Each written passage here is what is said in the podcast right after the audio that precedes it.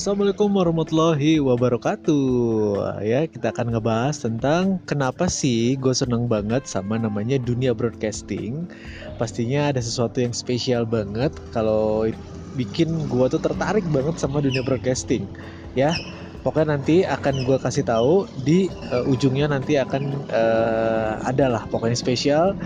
Di beberapa episode depan juga di beberapa episode ke depan nanti gue akan kasih tahu eh, hal-hal uh, yang kita ngomongin itu bebas tapi akan menjadi hal yang menarik kamu naon naik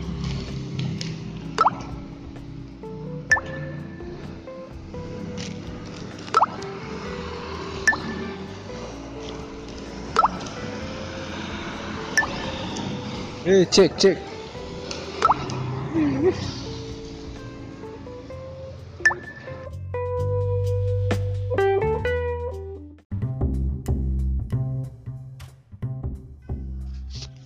Selamat malam semuanya. Waduh, pasti semoga ah, semoga sehat-sehat aja ya semua.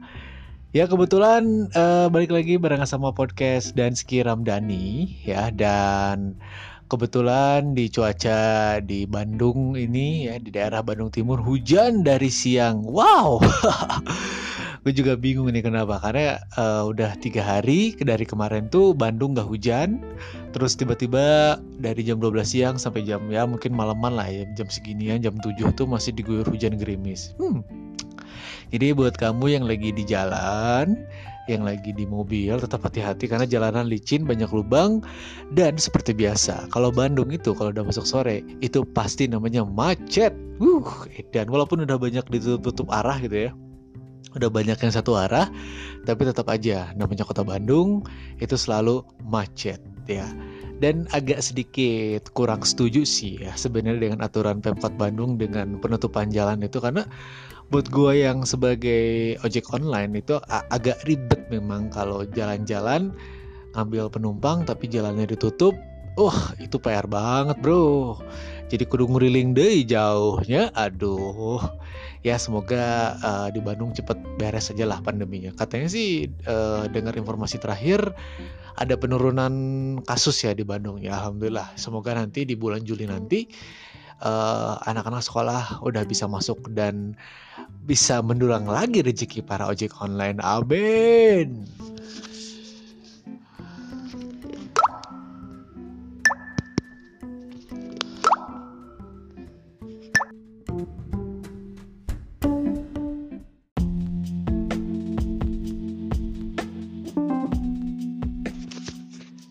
Cek, Assalamualaikum warahmatullahi wabarakatuh. Wey, ketemu lagi nih. Ya, cuaca di Bandung lagi hujan, dingin. Nah, pokoknya nama bikin hayang syare. Ya, jadi ya biasa Ini pengen nyeritain lagi sesuatu nih buat kamu ya. Nah, kan uh, gue ini termasuk yang golongan dari fans dari idol group ternama di Indonesia. Yang ada lagi sih idol group yang terkenal di Indonesia ya cuma JKT48 dong tentunya. Nah mungkin aneh gak sih kenapa sih gue udah setua ini ataupun cowok kok suka JKT48? Ya awalnya sih ya uh, sekedar garis besarnya adalah ya saya cowok ya wajar dan normal banget dong mengagumi seorang cewek. Saya aja suka Raisya kok, suka Isyana, suka Teh Ocha, Rosa gitu kan, suka Agnes Monica karena cantik dan suaranya bagus. Emang kenapa? Kalau saya senang melodi ataupun senang uh, veranda. Ya basic dari kenormalan cowok cewek itu memang awal lah ya. Itu biasa banget. Dan tapi sebenarnya momen terpenting dalam hidup saya ataupun yang paling aneh sih sebenarnya ki aneh banget sih gue suka JKT48 gitu ya karena ya dari SMP tuh memang dari kecil ataupun pas remaja tuh saya lebih senang ke bola Persib Persib Bandung aing Persib ya aing bobotoh gitu kan. Pernah terlibat kerusuhan kena gas air mata lempar-lemparan sama polisi gitu kan. Terus bener-bener ya benci banget sama rival yang ada di ibu kota gitu kan. Istilahnya mah uh, gue ini termasuk supporter garis eh bukan garis keras sih semi garis keras ya. Karena kalau garis keras banget sih ya agak brutal juga. Kalau gue sih tergantung situasi dan kondisi bisa menjadi supporter santun bisa juga menjadi supporter yang garis keras jeng. Lada bukan nama jadi aduh mengerikan lah kalau saya udah emosi di stadion tuh udah udah bukan kayak diri saya sendiri. Nah itu kan sempat aneh juga gitu kan. Pertama kan ya dunia supporter itu dunia yang sangat uh, misalnya keras. Berhubungan sama bentrokan sama yang lain lah terus juga nyanyian chant segala macam. Intinya sih lebih ke laki banget lah seorang supporter bola itu. Terus tiba-tiba kenapa suka JKT jadi gini uh, pas lulus kuliah di tahun 2011 uh, gue masih apa ya masih ada aktivitas yang cukup membanggakan juga di Radio OS Bandung. Karena gue ini anak OS Club yang cukup senior di gue angkatan OS Club 2005 tapi aktif lagi di 2012 karena ada kegiatan on air lagi Os Club Show saat itu. Ya at least ya sering training lah, sering ngumpul lah dan sering banget denger siarannya Radio Os tentunya dong dari pagi sampai sore malam gitu kan. Pokoknya mah mojang-mojang banget lah aing teh gitu. Nah, setelah itu uh, kalau nggak salah sih gue udah lupa, tapi lupa ya kerja di mana ya? Karena 2000 itu 2013 kalau nggak salah 2013 setelah ya kan JKT muncul 2011 ya Desember lah cuman mulai terkenal tuh 2012 kegiatannya itu 2013 tapi emang gue sendiri memang udah tertarik ke Jepang-Jepangan ini udah lama sih. Jadi yang pertama kenapa suka musiknya dulu ya? Bukan kenapa suka uh, menjadi fans fanatik. Kenapa suka musik JKT48 ya mau gimana ya? Gue angkatan kelahiran 80-an terus juga di tahun 90-an gue udah masuk anak kecil dah wih. Generasi 90-an udah juara lah itu. Di TV uh, sebelum sekarang rame-rame Korea Korea K-pop K-pop yang mendoktrin anak-anak anak-anak zaman itu adalah Jepang.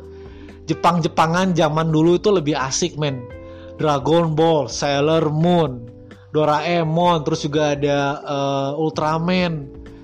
Jadi intinya doktrin apa ya karena terlalu sering banget nonton TV di setiap hari Minggu terus ada beberapa acara yang musiknya tuh kayak musik-musik anime gitu musik-musik uh, Jepang-Jepang ya emang mereka dari Jepang memang gitu kan si Dragon Ball kayak gitu kan seneng banget soundtrack soundtracknya gitu kan terus oh ya seneng juga sama Samurai X Samurai X tuh lagunya keren-keren loh Ih, itu uh, na na na na na na na na na na ciao jauh barjing tengah arti ngomong naon tapi udah memang enak lagu itu itu zaman saya SMP kalau nggak salah Samurai X tuh bersinar di tahun 2000-an ya kan kena dong doktrin musik-musik tipikal Jepang itu kena ke diri sendiri dan akhirnya gue udah wah kayaknya boleh nih lagu-lagu JKT nah kebetulan juga pada saat 2000 alhamdulillah 2012 itu muncul iklan translatean uh, yang asalnya kan dari lagunya Heavy Rotation ya, eh, Heavy Rotation AKB48 yang Jepang.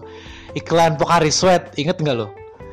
Yang I want you, I need you, yang seolah-olah berkeringat bersama Pocari Sweat. Jujur aja gue ngeliat mereka ini kayak bukan orang Indonesia. Oh, ini tuh JKT ya? Kirain orang Jepang gitu. Karena melihat perawakannya kayak ada tuh ada Nabila, ada JJ, ada Saninya, ada Melody.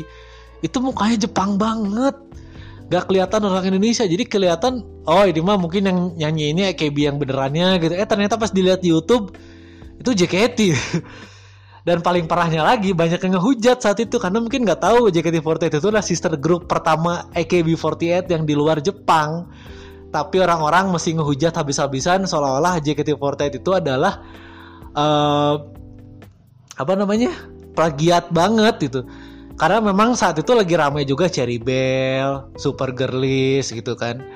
Lagi seru, lagi naik-naiknya banget di TV dan ya kalau Cherry Bell sih mungkin lebih ke copy paste-nya Korea lah ya. Kelihatan beda. Kalau uh, eh, JKT kan memang udah mau tidak mau Jepang gitu kan. Kan kalau kalau kalau Cherry Bell dulu oh plagiatnya kelihatan gitu banyak yang lagu-lagu Korea yang sama sama uh, Cherry Bell, SNSD lah segala macam. Kalau JKT memang mutlak emang harus harus harus sama lah lu kira McD logonya bisa beda di Indonesia sama di Amerika lu kira Dunkin Donut bisa beda Burger King di luar negeri sama di kita kan sama tulisannya kayak gitu isinya rasanya mungkin agak beda dikit tapi ya tetap sama lah burger-burger juga gitu itu namanya franchise bro buat lo semua yang nggak tahu zaman dulu itu adalah JKT48 itu adalah first franchise-nya dari AKB48 yang di luar Jepang. Setelah itu muncullah SNH48 yang dari Cina, Shanghai.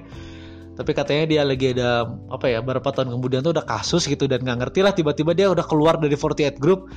Tapi maju. Tuh ngerti aing tuh SNH bisa lebih maju gitu, hebat. Nah, balik lagi ke awal. Seneng musik-musik itu dan di TV tiap hari diputerin iklannya Vocariset ya jadi kena dong lagu Heavy Rotation tuh lagu favorit pertama ya terus berikutnya muncullah lagu River di radio sering diputer di OS sering diputer karena gua anak OS Club sering dengar radio OS River tuh liriknya bagus tentang perjuangan meraih impian juga karena di dalam kehidupan itu pasti ada rintangan yang harus kita lalui secara sulit diibaratin kalau di lagu River itu kan kayak sungai itu adalah satu halangan yang harus kita lalui dengan arus sungai yang besar. Ya, sama kayak hidup memang. Memang Akimoto Yasushi itu kalau bikin lagu memang juara sih, lebih puitis banget dan untuk kena banget ke kehidupan, rintangan kehidupan harus dilalui dengan segala macam resiko yang akan lo tanggung gitu.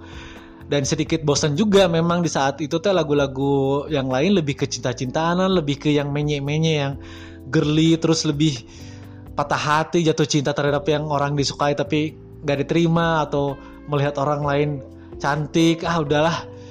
Terlalu general dan terlalu mainstream kalau logo percintaan. Nah, muncullah lagu JKT yang anti mainstream memang agak sedikit aneh lagunya. Ya iyalah lagu copy paste dari Jepang emang seperti itu kalau lu nggak percaya coba dengerin di YouTube coba cari soundtrack soundtrack sinetron eh sinetron anime uh, atau mungkin kartun-kartun yang dari Jepang soundtracknya hampir sama karena dulu aku tuh soundtrack kartun tuh ada yang ditranslate sama Indonesia, ada yang nggak ditranslate. Jadi memang ada dua versi. Lo coba dengerin aja bedanya. Eh persamaannya apa? Ya. Nah, kenapa menjadi fans fanatik ya alasannya itu karena gue anak radio, gue anak house club.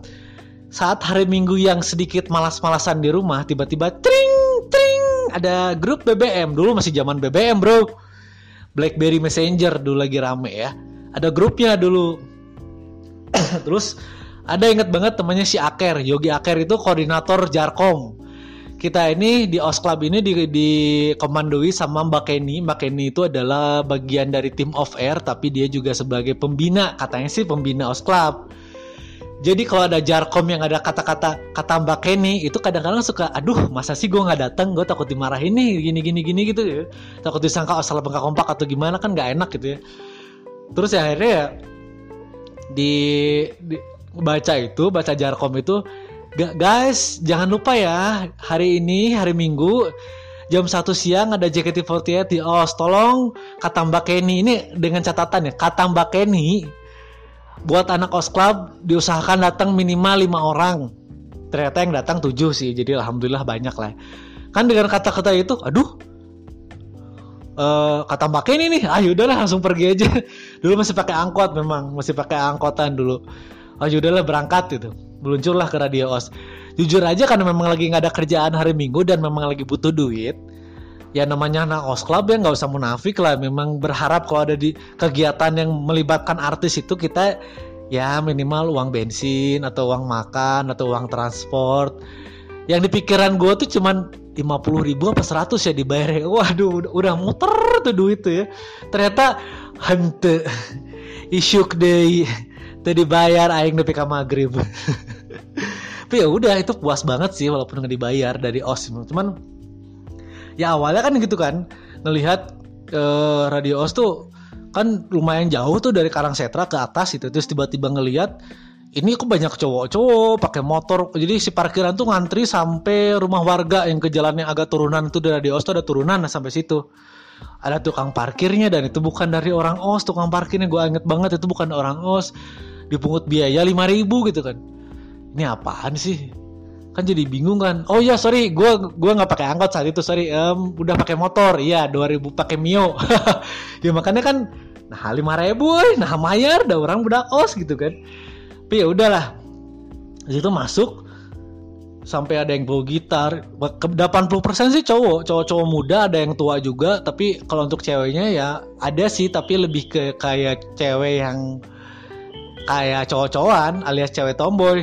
Nah habis itu masuklah gue ke os yang di benak gue tuh JKT48 memang cuma ada tiga eh, dua orang Melody sama Nabila karena memang itu yang terkenal di TV kan saat itu. Jadi bingung Ari iya saha tiluan jadi satu itu ada dua generasi yang berbeda. Dua orang generasi satu satu orang generasi dua. Kalau nggak salah sih ya yang generasi satunya tuh Veranda Jessica Veranda sama Ayana Shahab si Ayana gen 2 nya tuh baju merah itu siapa ya? Aduh dia juga pakai hot pants ya. Oh Sinka Sinka Juliani yang dari Majalengka lah katanya gitu kan. Iya bener dua dua putih satu merah. Ya gen 2 gen 1 satu gen 2 ya bener bener bener. Kan bingung pertama kali masuk os ngelihat mereka siapa ini orang-orang ini? Kok nggak ada melodi dari Nabila dan nanti gue nanya Hai, gue dari OS Club nih. Apa kabar? Oh iya baik kak. Bila salah bahasa basi busuk lah ya, mentang-mentang anak kos pakai seragam, pakai ID card, ngerasa legek badannya. ya terus saya nanya dong, uh, gue nanya, uh, eh kok Melodi sama Nabila nggak ada sih? Ke mana ya? Oh mereka lagi ada kegiatan kak di Jakarta. Yang jawab tuh Ayana inget banget yang jawab tuh Ayana. Ada kegiatan di Jakarta lagi teater. Oh emang beda ya? Bukannya kalian sama? Iya beda kak, beda bagi-bagi tugas aja katanya kayak gitu. Oh, terus ya udah deh kenalan. Bukan modus sih, memang karena kan namanya kru radio kan memang harus kenal sama artis yang harus dia support ya, yang harus dia jagain gitu kan. Itu kan ceritanya kita ini anak-anak os club ini yang jumlahnya kalau nggak salah datangnya itu tujuh orang ngebantuin aja, ngebantuin event aja kan udah biasa lah anak os club kan diperbantukan dulu di kegiatan-kegiatan radio os ya. Nah udah gitu dibantuin lah sama kegiatan eh, sama sama kita anak-anak tuh tujuh orang kan kalau nggak salah. Ada Yu, yang penyiar itu sekarang udah jadi artis terkenal teman saya Yura Yunita dulu. Dia lagi on fire di Radio Osa itu lagi siaran dan memang interviewnya pun si Yura Yura Yunita. Dan ada teman namanya Arida Nuraini yang sekarang ini dia lagi eh, bukan ya emang iya sih. Ya kegiatannya tuh pemain sinetron yang ku menangis. Sekarang dia udah berhijab si Arida ini dan pokoknya sering lihat lah kalau lo sering lihat nonton TV Indosiar pagi ataupun sore menjadi istri yang tersakiti melulu. Nah itulah ada namanya Arida. Lu bareng sama dia sama tim House Club juga. Kenalan dan kenalan sama yang lain gitu kan. Oh ini namanya siapa? Nama gue Dadan. Oh uh, yang yang pertama tuh siapa ya? Oh Veranda. V. Oh nggak nyebutinnya V. Ini Ayana. Ini Sinka. Sambil salaman kenalan satu-satu kayak orang kenalan aja gitu. Biasa salam salaman oh ya udah ada ngobrol sama yang lain sama yang di, di anak-anak yang di luar lagi pada ngerokok gitu kan. Hari eta barudak saha itu aing karena aja sarua. Dan semua anak Oslabing situ nggak ada yang kenal sama satu orang gitu pun. Karena mereka tahunya juga JKT48 itu adalah ya melodi melodi Nabila saat itu kan. Ya udahlah ngebantuin ngebantuin ngobrol-ngobrol sama Veranda. Ini anak asik ya diajak ngobrol first impressionnya oke okay nih dia ramah senyum gitu kan. Mungkin yang agak terlihat pendiam saat itu adalah uh, Sinka Sinka ini terlihat pendiam. Tapi kalau Ayana sama Ayana bercanda mulu dia ketawa-ketawa mulu buset tuh anak. Kalau Veranda senyum wah itu nggak beri gidi gue inget cerita ya ya terus kenalan dong ngobrol-ngobrol eh ternyata dia anak Vkom juga anak komunikasi jurusan desain komunikasi visual. Kalau bukan cerita gue anak broadcast broadcasting radio. Oh ya gini gini gini. Terus diajarin lah sama si Arida itu station callnya radio. Oh terus tiga belas jadi itu harus nyoba semua. Si member JKT cobain station call radio sama si Fada. Eh, si Master Chef Fada tuh tira ada ah pokoknya itulah intinya lah uh, singkat cerita ya udah lah ya selesai ya acara itu. Hah? Karena dulu tuh masih youtuban di warnet itu lagi rame. Begitu pulang di radio os, which is jam berapa ya? Bada maghrib lah, kalau nggak salah bada maghrib pulang di radio os. Gue nggak pulang ke rumah, gue mampir ke warnet di DU.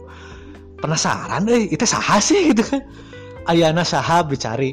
Oh iya, Jessica Veranda. Oh ini. Sinka Juliani. Oh beda beda angkatan. Oh ini. Terus dengerin lagu-lagunya. Mulai saat itulah kayaknya kayaknya boleh juga nih JKT. Oh lagunya enak-enak banget jadi bukan karena uh, eh, gue bukan karena cunihin wah uh, karena cewek cantik seksi itu kan. Sange enggak ya memang kadang senang lagu memang kadang emang do, hoya, do, doyan denger radio dengan dengar musik ya ini senang sama J, musik JKT gitu kan.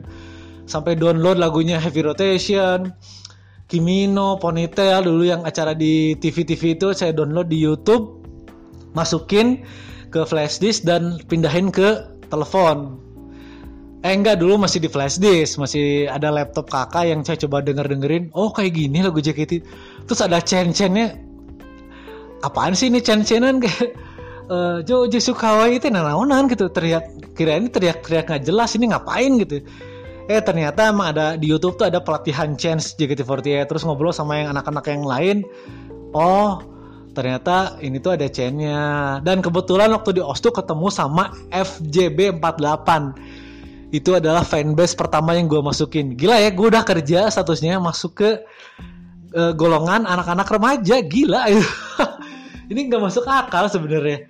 Gue udah saat itu udah kerja udah punya penghasilan sendiri tapi gabungnya gaulnya tuh sama anak-anak SMP anak SMA yang paling tua itu uh, ada anak kuliahan dan ada juga yang kerja. Tapi yang kerja pun usianya masih lima tahun di bawah gue masih lebih muda gitu kan. Waduh jadi gue masuk fanbase FJB itu adalah tertua saat itu. Tapi ya udah nggak apa-apa. Karena pengen tahu banget tentang JKT ya udah hajar aja udah. Ngobrol-ngobrol-ngobrol-ngobrol. Ramai juga nih anak-anak ini sering lah gitu. Nah pertama kali konser ya pertama kali nonton JKT live ya di Sabuga sih. Kita bodor pisan ya sih. Di konser apa sih dulu tuh ya? Konsernya gelis harganya tuh 200 ribu kalau nggak salah. Duduk di tribun samping enak sih duduknya mah cuman itu kan awal-awal banget dan itu masih buta banget tentang Chen. Dan gue nyontek. Gue bikin contekan dari kertas dan gue lupa tinta yang ditulis itu tinta hitam ya nggak akan kelihatan lah orang gelap gitu kan. Jadi gue nulis secari kertas kecil gitu. Nulis Taiga, Faya, Daiba, pokoknya terakhirnya Jaya, ada Cho Jesu Kawaii, nanananat gitu lah. Jadi begitu pas lagunya Kimino yang oh ya oi, oh ya oi, oh ya oi, oh ya oi, ah iya kumaha ya laguna ya? Ayo udah ngikutin jadi teparan gue gitu kan. Nyanyi nyanyi ke mana ngecen ke mana gitu. Ya udahlah tapi ya saat itu emang atmosfernya gila. Dahsyat banget. Lah alunan lightingnya tuh bener-bener full lightsticknya tuh bener-bener kayak dari ujung ujung penonton paling kiri sampai ujung penonton paling kanan dari atas ke bawah sampai ke yang di VIP-nya tuh rata semua nggak ada yang sepi nggak ada yang diem. Semuanya ng ngayunin line stick sekenceng-kencengnya seteriak-teriaknya luar biasa.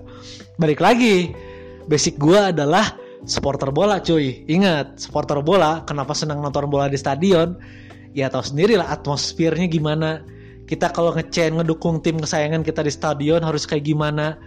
Terus kalau misalnya ada koreografi kayak gimana ada flare berisik. Jadi kalau nonton bola diem doang nggak rame. Jadi harus berisik makanya harus di stadion gue nah ini tuh atmosfernya sama kayak nonton persib.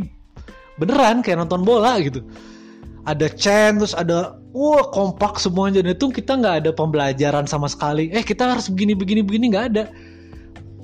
Mungkin buat orang-orang yang awam kok bisa ya sekompak itu? Apakah memang ada trainingnya segala macam? Nggak ada. Kita ini kiri kanan nggak ada yang kena tapi kita bisa bisa kompak ngayunin lightstick dengan chain partnya, chain micnya sesuai dengan ritme itu keren sih.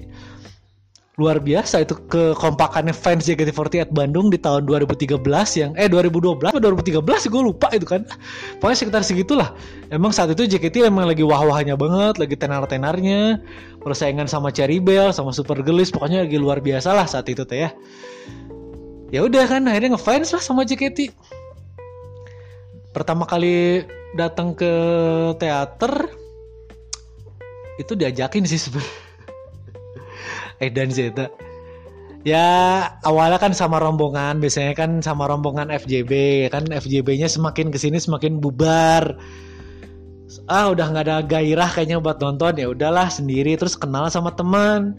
Dan kebetulan teman itu adalah temennya yang punya distro ternama di Bandung. Ya mohon maaf sih uh, dia dis, dia disabilitas tapi dia tuh luar biasa kalau dia nonton JKT udah dikenal sama semua manajemen sama member lah.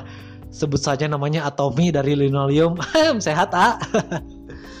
nah, awalnya iseng-iseng. Jadi dulu kan emang ada ada handshake nih. Ah, ikutan handshake. Uh, kalau kalau handshake pertama ya sama Veranda handshake pertama itu ketemu sama Veranda sama Kinal. Karena melodi penuh. Dan kata-kata pertama ya basa-basi busuk lah sama Veranda. Hai Fe kamu kenal sama aku dulu yang di OS yang ngebantuin kamu. Oh iya kak. Bla bla bla bla. Ya nggak tahu juga sih mungkin api-api kenal atau henti ya terserah lah. Cuman saya bahagia aja digituin sama dia gitu kan. Terus kakak masih di OS oh masih. Gini gini oh udah sama Kinal lu ngomong kenal ini yang si Kinal? First handshake oh. Ngomongin MU anjing udah kerongsok zaman Moyes inget kene Nah, menurut kamu in Moyes we trust apa Moyes trust? Eh, Moyes out in Moyes we trust. Eh, dan yang guys, guys kita unggul. nah, terus handshake handshake berikutnya gak usah saya ceritain lah, pokoknya gitulah 35. Eh, dulu tuh handshake 40 ribu. Dapat CD 40 ribu handshake. Nah, yang mungkin momen itu adalah pas kejadian kita keliling-keliling Jakarta sama Atomi. Jadi dulu tuh ada gelaran handshake festival di Eco Park Ancol ya kalau nggak salah itu kan jauh banget ya dari Bandung ya ke pusat kota jauh banget. Kita satu rombongan sama Atomi itu pakai mobil Grand Max. Berapa orang ya? 8 atau 7 orang lah ya. kan awalnya kan nggak nggak kepikir si Atomi itu bakal kan dulu Sabtu. Uh, uh, handshake-nya Sabtu teaternya hari Minggu.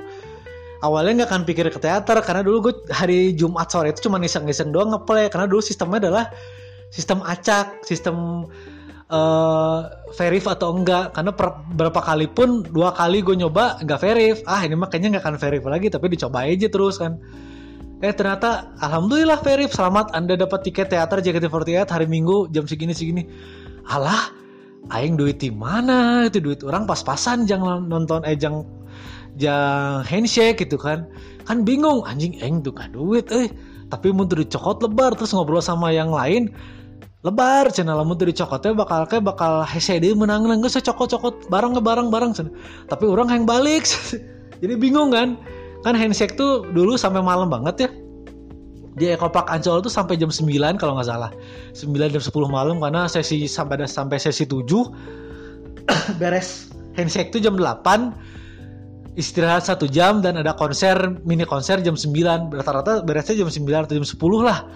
Bubar semuanya kan udah malam tuh ya. rencana gue tuh gue pengen pulang gitu. Yang balik ke rumahnya tapi orang tuh bisa ke rumah ada emang jauh kartu kadia teh kan. Akhirnya karena ke sana kemari jauh ya udah ikutin arus aja lah. Ternyata 80% dari anak-anak yang ikut itu mau teateran di minggu di minggu besoknya. Aduh orang rumah ini udahlah. Pinjem lah ke teman saat itu 100 ribu kan dulu masih 100 pinjam 100 ribu ntar diganti ya dibayarin lah sama itu. Oh kayak gini teater teh luar biasa itu.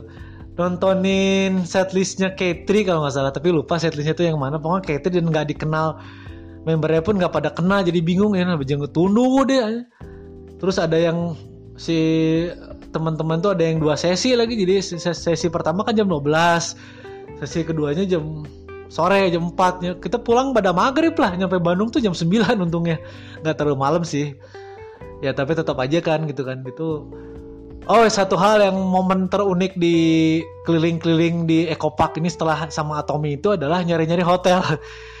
Waduh, nggak tahu kenapa kita semua tuh nggak kepikiran. Emang dulu kan udah ada fasilitas Traveloka sama Peggy-Peggy ya. Tapi kenapa tim dari kita dua Atomi dan kawan-kawan nggak kepikiran buat ngecek di situ? Ini kita nyari satu-satu hotel yang bisa banyakan, yang bisa tujuan yang bisa dua kamar yang which is mungkin yang 150-an bisa patungan gitu kan. Nggak ada men. Muke gila itu. Akhirnya ya udah kita tidur di pom bensin. Jam setengah lima subuh kita udah udah, dekat azan subuh. Karena nggak tidur sama sekali kita udah satu tuh udah capek keliling-keliling nggak dapat hotel ya udahlah. Kepaksa tidur di mobil. Dan aduh kita haridang nah udah bilang nggak semua di Jakarta di haridang terus lo badengit modar ini Terus ya pagi-paginya ya alhamdulillah ada kabar dari teman dari bibinya teman yang kalau nggak salah tuh di Ciputra apa Ciputat gitu yang daerah Lebak Bulus lah. Pagi-paginya kita bisa istirahat, bisa makan, bisa mandi dan itu ya bisa tidur dulu bentar aja. Meremin mata dulu, ngelempengin kaki gitu kan lumayan lah. Udah gitu pergi siang ke teater ya udah kayak gitu ceritanya.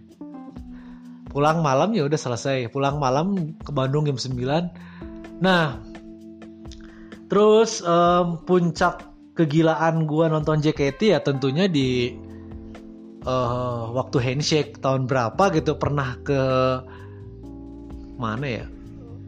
Berapa kali handshake? Oh yang nonton konser yang di yang di Kalpa Gading itu gila banget jauh banget ini gila itu jauh banget parah itu di Surabaya pun sama jauh katanya gitu ya itu sih hal tergila yang terakhir pas konser graduation melody. Itu sih mungkin puncaknya gue udah mulai jadi di era 2016 tuh udah mulai bosan sebenarnya. Ngidol tuh udah kok gini-gini doang ya? JKT itu nggak kayak kayak nggak ada perkembangan. Fansnya masih kayak gini doang. Lu lagi lu lagi fansnya tuh kan. Ya udahlah. Akhirnya karena kesibukan dan memang duit juga terbatas ya udah. Akhirnya menurun menurun menurun dan mulai naik lagi tuh di pas dengar kabar melodi graduate yang mau tidak mau dong Osi Osi sendiri lah masa yang nggak datang ke konsernya gitu. Tapi itu perjuangannya aduh tapi dulu memang alhamdulillah masih kencang sih. Orderan grab bike ojol itu masih kencang banget. Jadi masih enak lah gitu.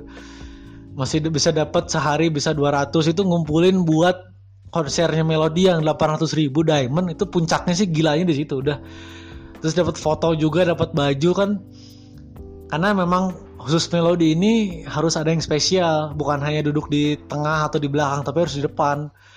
Karena dia osi utama gue di sana sebagai si teteh melodi ini kan. Jadi ya puncaknya 2018 pesan hotel uh, terus sebagai itu besok handshake juga sama melodi ya udah saya saya pamit segala macam ya udahlah itu menurun datang lagi ke Jakarta 2019 mulai ya nontonin Pajama Drive pengen lihat adik-adik dari akademi itu kan. Emang Pajama Drive emang setlist favorit gue banget dari dulu.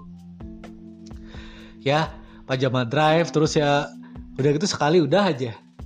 Nah 2020 karena pandemi ya atau sanwe lebih ke 2002 aja JKT kayak keneh tinggi tuh JKT ya pokoknya sih buat lo semua yang terus menerus menghina ataupun ngejudge fans JKT48 itu adalah freak jelek maniak bokep seks segala macam yang nggak kayak gitu juga. Mungkin ada oknum-oknum yang yang seperti itu gitu kan yang yang secara range usianya lebih tua. Biasanya sih uh, uh, apa ya orang-orang Jepang yang om-om lah om-om Jepang mungkin lebih freak tapi ya itu kan mereka nggak peduli dengan bulian orang lain. Kalau di kita kan selalu dibully selalu dianggap ya apaan sih aneh JKT gitu kan. Padahal mereka tuh bisa nunjukin perjuangan hidup tuh ya berat memang. Nunjukin impian ada di tengah peluh usaha keras dengan pernah mengkhianati ya bisa dibuktikan sama member-member JKT48 saat ini.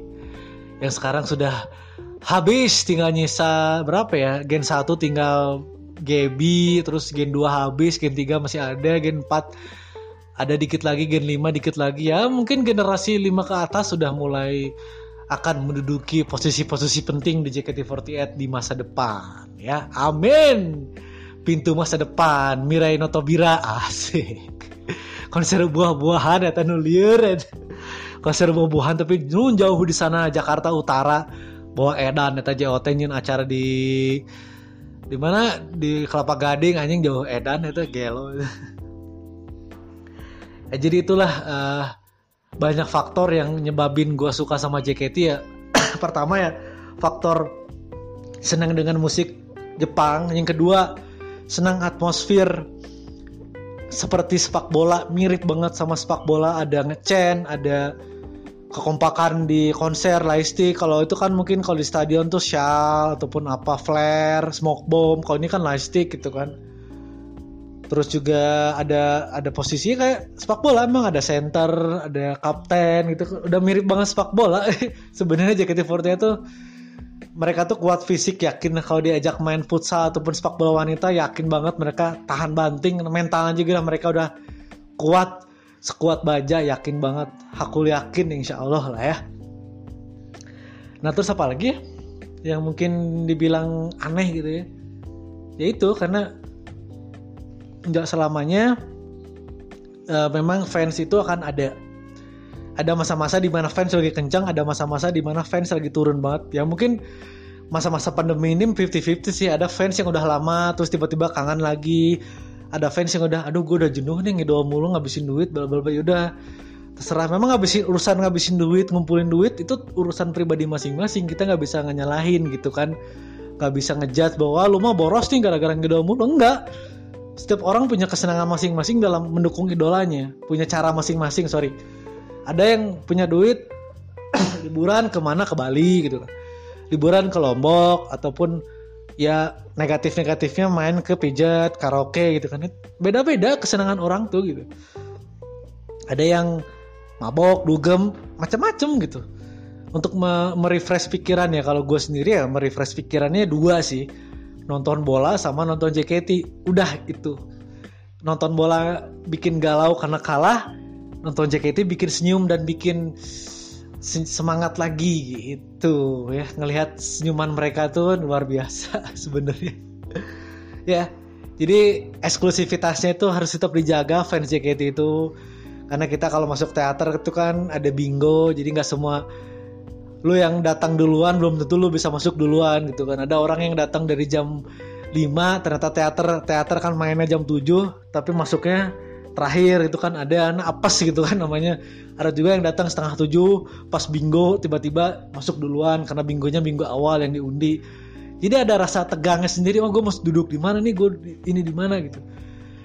Terus ya ya itulah uh, momen terindah mah ya konser graduation melody teater nggak nggak seberapa teater mah. Terus ya mungkin event-event di luar Jakarta sih kayak kemarin di festival Citylink tuh pecah banget di Sabuga pecah TSM pecah luar biasa sebenarnya. Nah jadi ya gue sih nggak akan berhenti untuk support uh, idol group idola yang yang sudah mulai ya menipis sih sebenarnya. Tapi gue masih mencintai mereka gitu masih mengagumi lah gitu kan. Kalau mengidolakan sepenuh enggak sepenuhnya sih udah nggak terlalu. Tapi me mengagumi masih masih sering lihat di YouTube masih sering dimensionan Twitter, masih sering mantau IG-nya mereka kepoin. Ya yang jelas itu tergantung pribadi masing-masing kalau mau uh, cara ngidol itu terserah mau yang agak brutal atau yang agak soft itu terserah ya. Yang jelas uh, itulah mungkin yang bisa saya ceritakan tentang why I always love JKT48 till I die asik. Pokoknya namanya kayak Heji Persib kedua main United walaupun kerbutu tapi lah alhamdulillah lah rada lumayan eh nama gitu kan. Yang ketilunnya JKT udah itu satu Persib dua MU tiga JKT48 that's it finish ya. Wassalamualaikum warahmatullahi wabarakatuh. Bye bye